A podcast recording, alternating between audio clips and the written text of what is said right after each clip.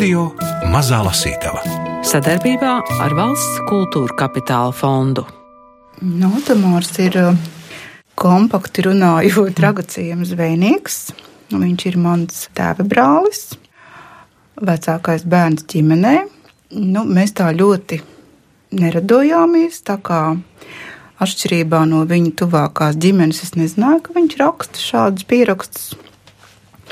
Un uh, man par tiem pastāstīja jau pēc viņa nāves 2008. gadā. Viņš bija rakstījis no 86. gada līdz 2000. gada sākumam. Stāsta Otomāra Kalpiņa brāļa meita Rudīta Kalpiņa, kur Otomāra atmiņu pierakstus sakārtojusi grāmatā Sāļumā Ragaciema jūras karaļa stāsts. Gunters Āboliņš lasīs gan kādu Otomāra bērnībā dzirdētu vectēva stāstu, gan jau par laiku evakuācijā un pēc kara. Rudīta Kalpiņa. Tā nebija dienas grāmata, bet tādi atmiņu pieraksti, domu klejojumi un uh, Tad jau viņš rakstīja arī par to realitāti, kur viņš piedzīvoja jau 90. gados un 2000. gadu sākumā.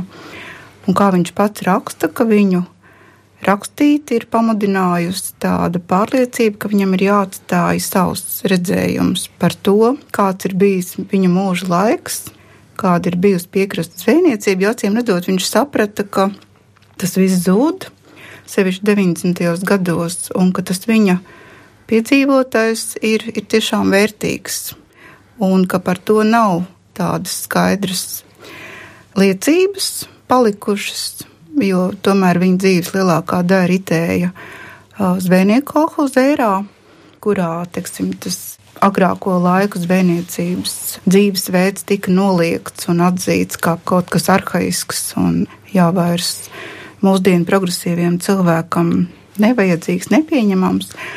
Nu, to visu viņš gribēja aprakstīt. Un tad, būdams, sacīsim tā, nu, īpaši neskolots cilvēks, tomēr ar pietiekami plašu redzesloku, viņš bija tāds um, sparīgs preses lasītājs.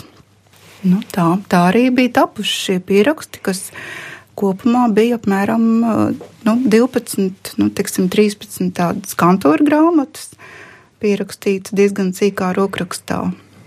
Tāds bija tas izējuma materiāls.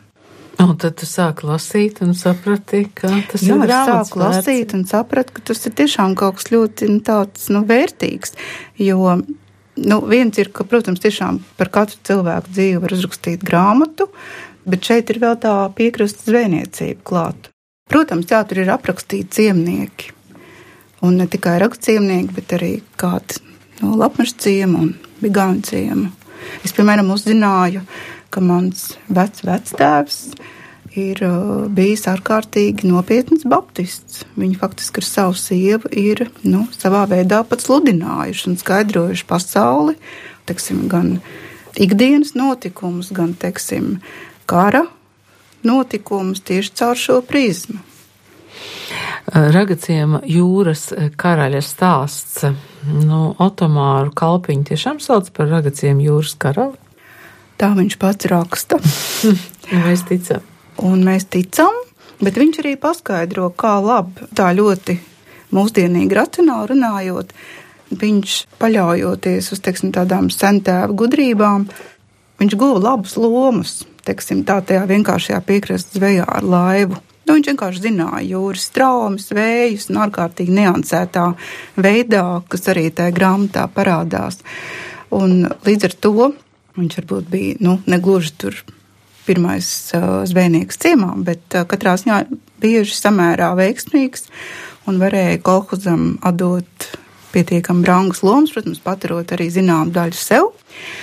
Iespējams, ka no viņa savu laiku mums ir nākuši lucīši un, un, un, un citas zīltiņas kupinātas. Jā, vienai daļai var būt, jo viņš arī to tā ļoti mīlīgi sauc par tautu galdu, kuram arī viņš strādā ārpus kolhoza darba un gūst arī, protams, zināms ienākumus.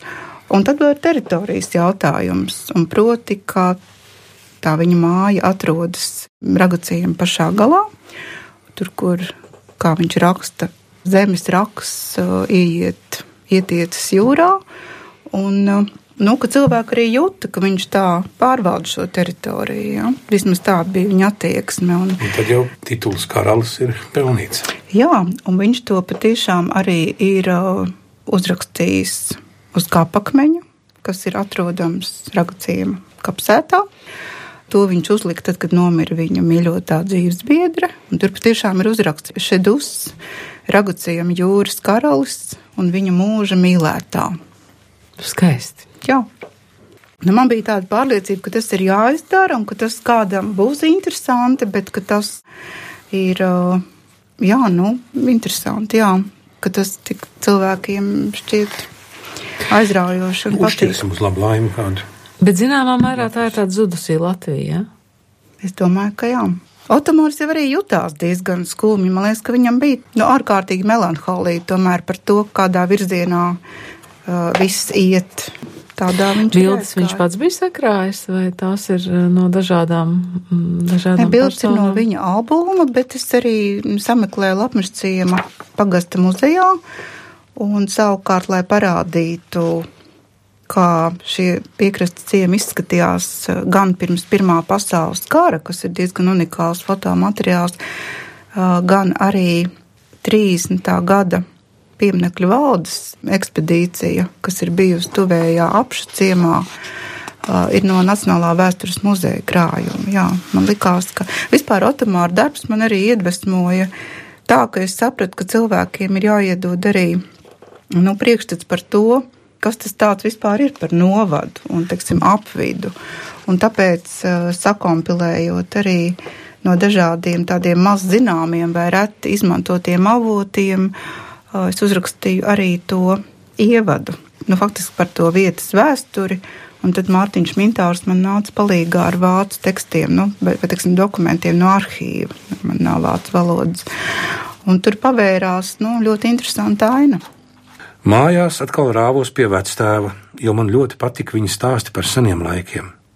Tā arī to vakar, kad bijām pārunājuši manu kaktā likšanu, viņš piekrita pastāstīt par vienu piedzīvotu ziemu. Nemaz netik sen jūra aizsala vienā baltā ledū, bet gadījās stipri vēji un ledu sašķirstīja aizās. Pa tām no tālienes uz Rīgu garām ragaciemam nāca trīs mastu zēģelnieks. Vēju dzītie ledus lītiņi, arī lītis tie ledus gabali. Vēju dzītie ledus lītiņi to knaibīja kā knaiblis, ar lielām grūtībām viņš no mērsraga puses lauzās uz ragaciema ragu. Naktī ziemelis nāca ar savu spēku, trakoja un no rīta agrumā redzēja zēģelnieku iespiestu baltajā ledū. No jūras zilumiņa vairs nebija ne pleķīša. Dienā vējš pieņemās spēkā un koka kuģis salauza kā skaidu. Jūrnieki glābās un lēca uz ledus, visa apkalpe aizgāja apmēram 40 km līdz krastam. Katrs nesa līdzi nelielu bagāžu, ko bija pagūs paņemt no grimstošā burinieka. Viens nesa mazu apkaltu ozola muciņu, piekusis pameta muciņu turpat uz ledus. Krastā tie bija nonākuši Klapkalnciemā.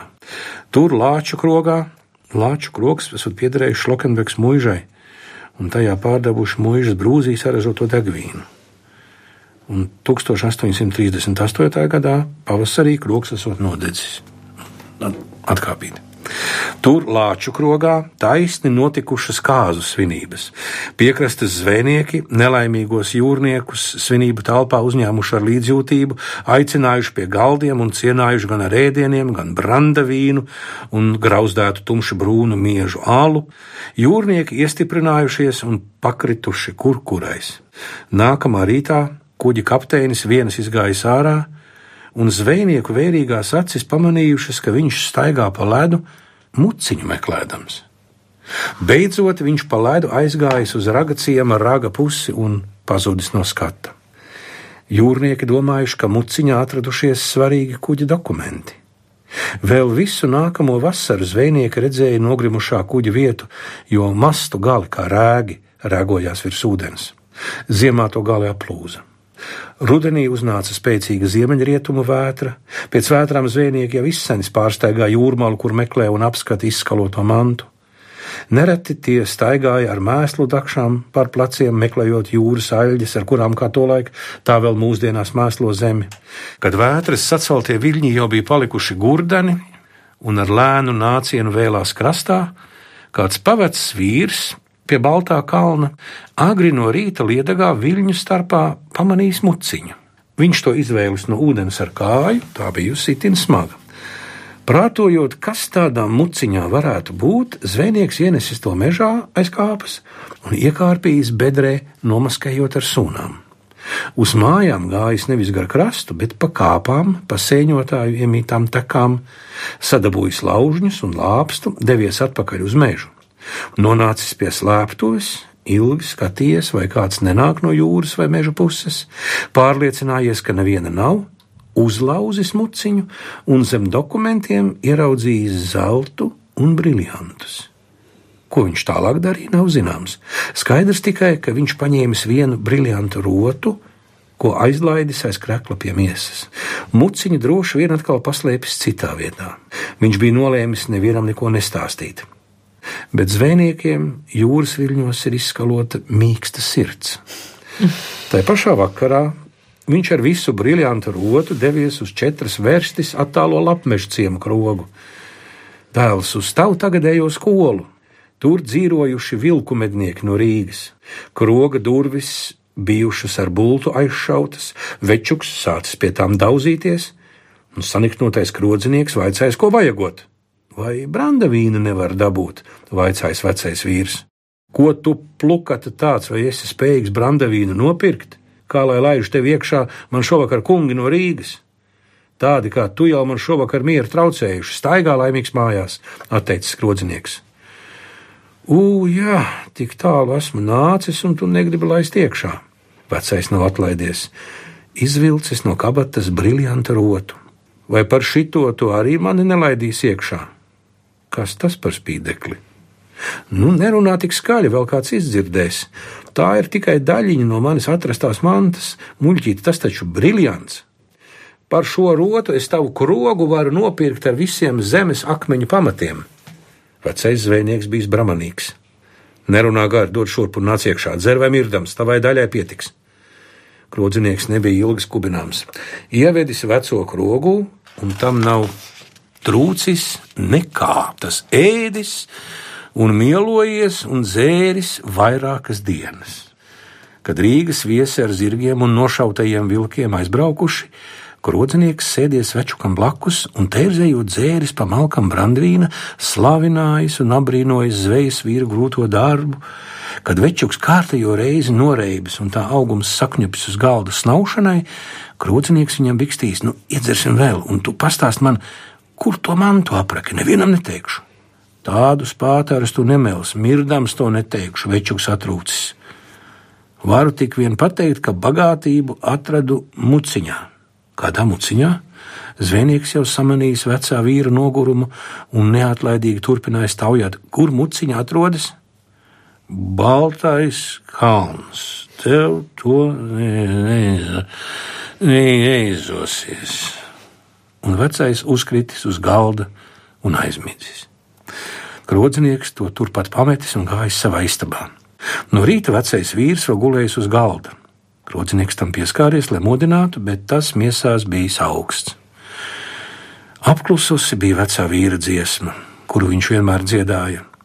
Kad kuģis paceļ ankuru uz projām iešanu, tur krastā paliek meitiņa, asaras slaucīdama.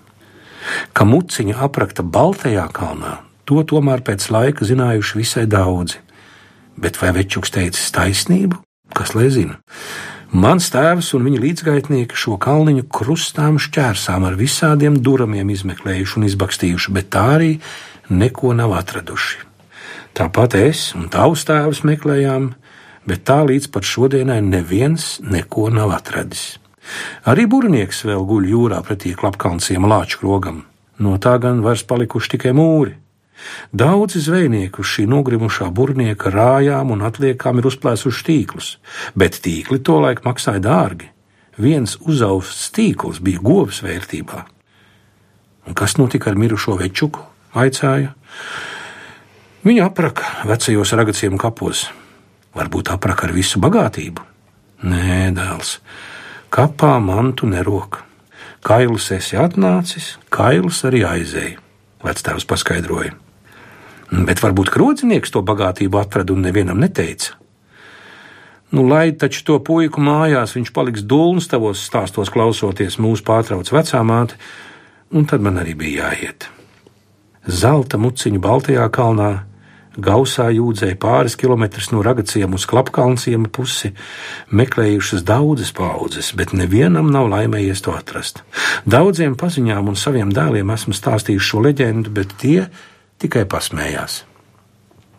Reiz dēls Jānis gan bija sarunājis zēnus no jūrmalas, kuri ar attiecīgu aparātu palīdzību zelta muciņu varot sameklēt, bet es šo priekšlikumu noraidīju. Kāda nozīme to meklēt, ja padomi valsts tik un tā visas bagātības atņems? Apkopojis prātā visu agrāk dzirdēto, kādā svētdienas rītā, jau 56 gadu vecumā, devos meklēt senatnes pēdas. Vai man kas izdevās? Varu teikt, ka jā. Pirmkārt, kur guļ zelts vai briljanti, tur dzīvība magnētiski tiek attālināta un patiešām uzgāja tādu vietu, kur vienā aplī aug sūna ar zilajiem viršiem, bet tam visapkārt ir cilvēku pēdu nomīcīta zeme. Otra uzvedinoša zīme ir pūpoļu koks. Kāds tik tālu, simt metru no jūras, nemaz nav sastopams, jo vītola parasti aug jūras kāpās, bet šis aug vientuļš. Varbūt tas ieaudzies no tā laika, kad vecais vīrs smago muciņu veļot jūras malā paņēmis kādu uh, vītola rungu, kura iesakņojusies smiltīs. Kad pastāstīja to saviem zēniem, viņa mudināja parādīt tās vietas dabā. Atrunājos, ka rādīšu tad, kad jutīšu tuvojamies savu aiziešanu no šīs pasaules. Kāpēc ne tagad? Paldies Dievam, esmu apģērbies un paēdis, labāk lai muciņa guļ zemes mātes klēpī. Kādu tu jūtus tagad to rezonanci pēc grāmatas iznākšanas? No ragciema vai vispār no Latvijas? Nu, ragciemu es redzu Facebookā. Cilvēki nu, ir, ir daži, kas, kas piesakās, kas, piemēram, raksta, ka viņi ir trešās vai ceturtās paudzes pēcnācēji tiem, kas tur ir minēti ir arī cilvēki, kuri droši vien teiks, ka tā un tā nenotika, un tā nebija, un tā tālāk, bet nu, tā jau arī var būt. Tā jau, teiksim, nav tāda visu laiku vienīgā patiesības grāmata, ka notika tikai tā un ne citādāk. Svarīgi, ka viņš to tā redzēja un viņš to tā ir piefiksējis. Vai grāmatu izdodot, jūs konsultējāties arī ar vēsturniekiem vai paļāvāties uz Otomāru?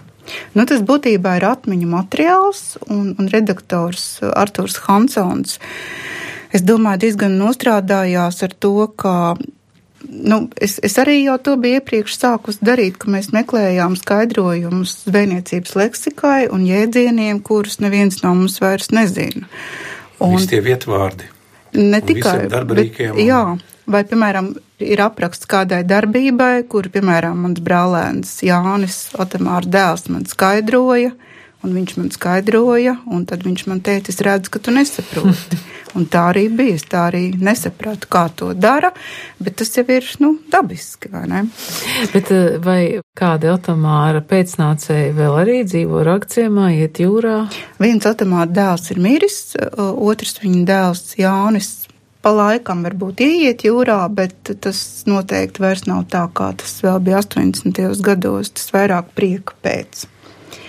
Katrā ziņā mēs jūtam to, ka ne tikai kurzemes, bet arī vidzemes jūrmalā nu vairs nesmaržo pēc ne tikai svaigām, bet arī žāvētām zivīm. Un to kāju populācija ir nomainījušas svārnas. Tas arī ir nu, teksim, saistīts ar to, ka zvejo ļoti maz. Evakuācijas laikā ar draugiem. Pēc 9. māja nolēmām atgriezties Ragaciemā. Pirmie ceļā devāmies mēs ar tēvu un vectēvu.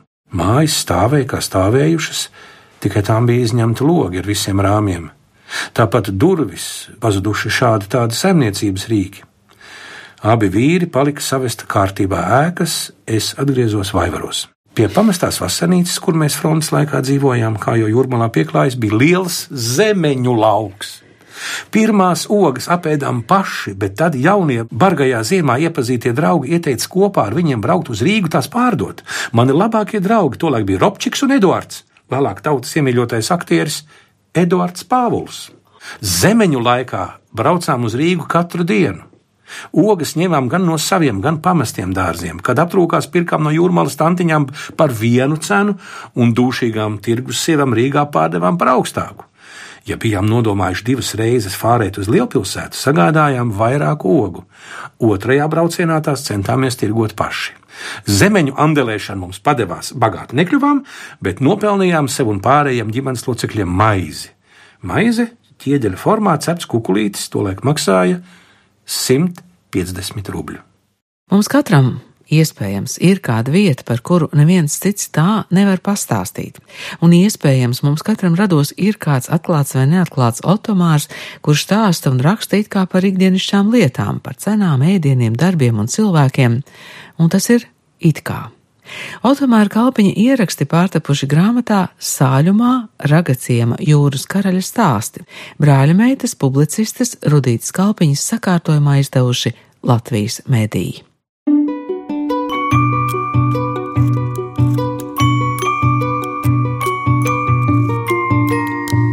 Radio Mazā Lasītava sadarbībā ar Valsts kultūra kapitāla fondu.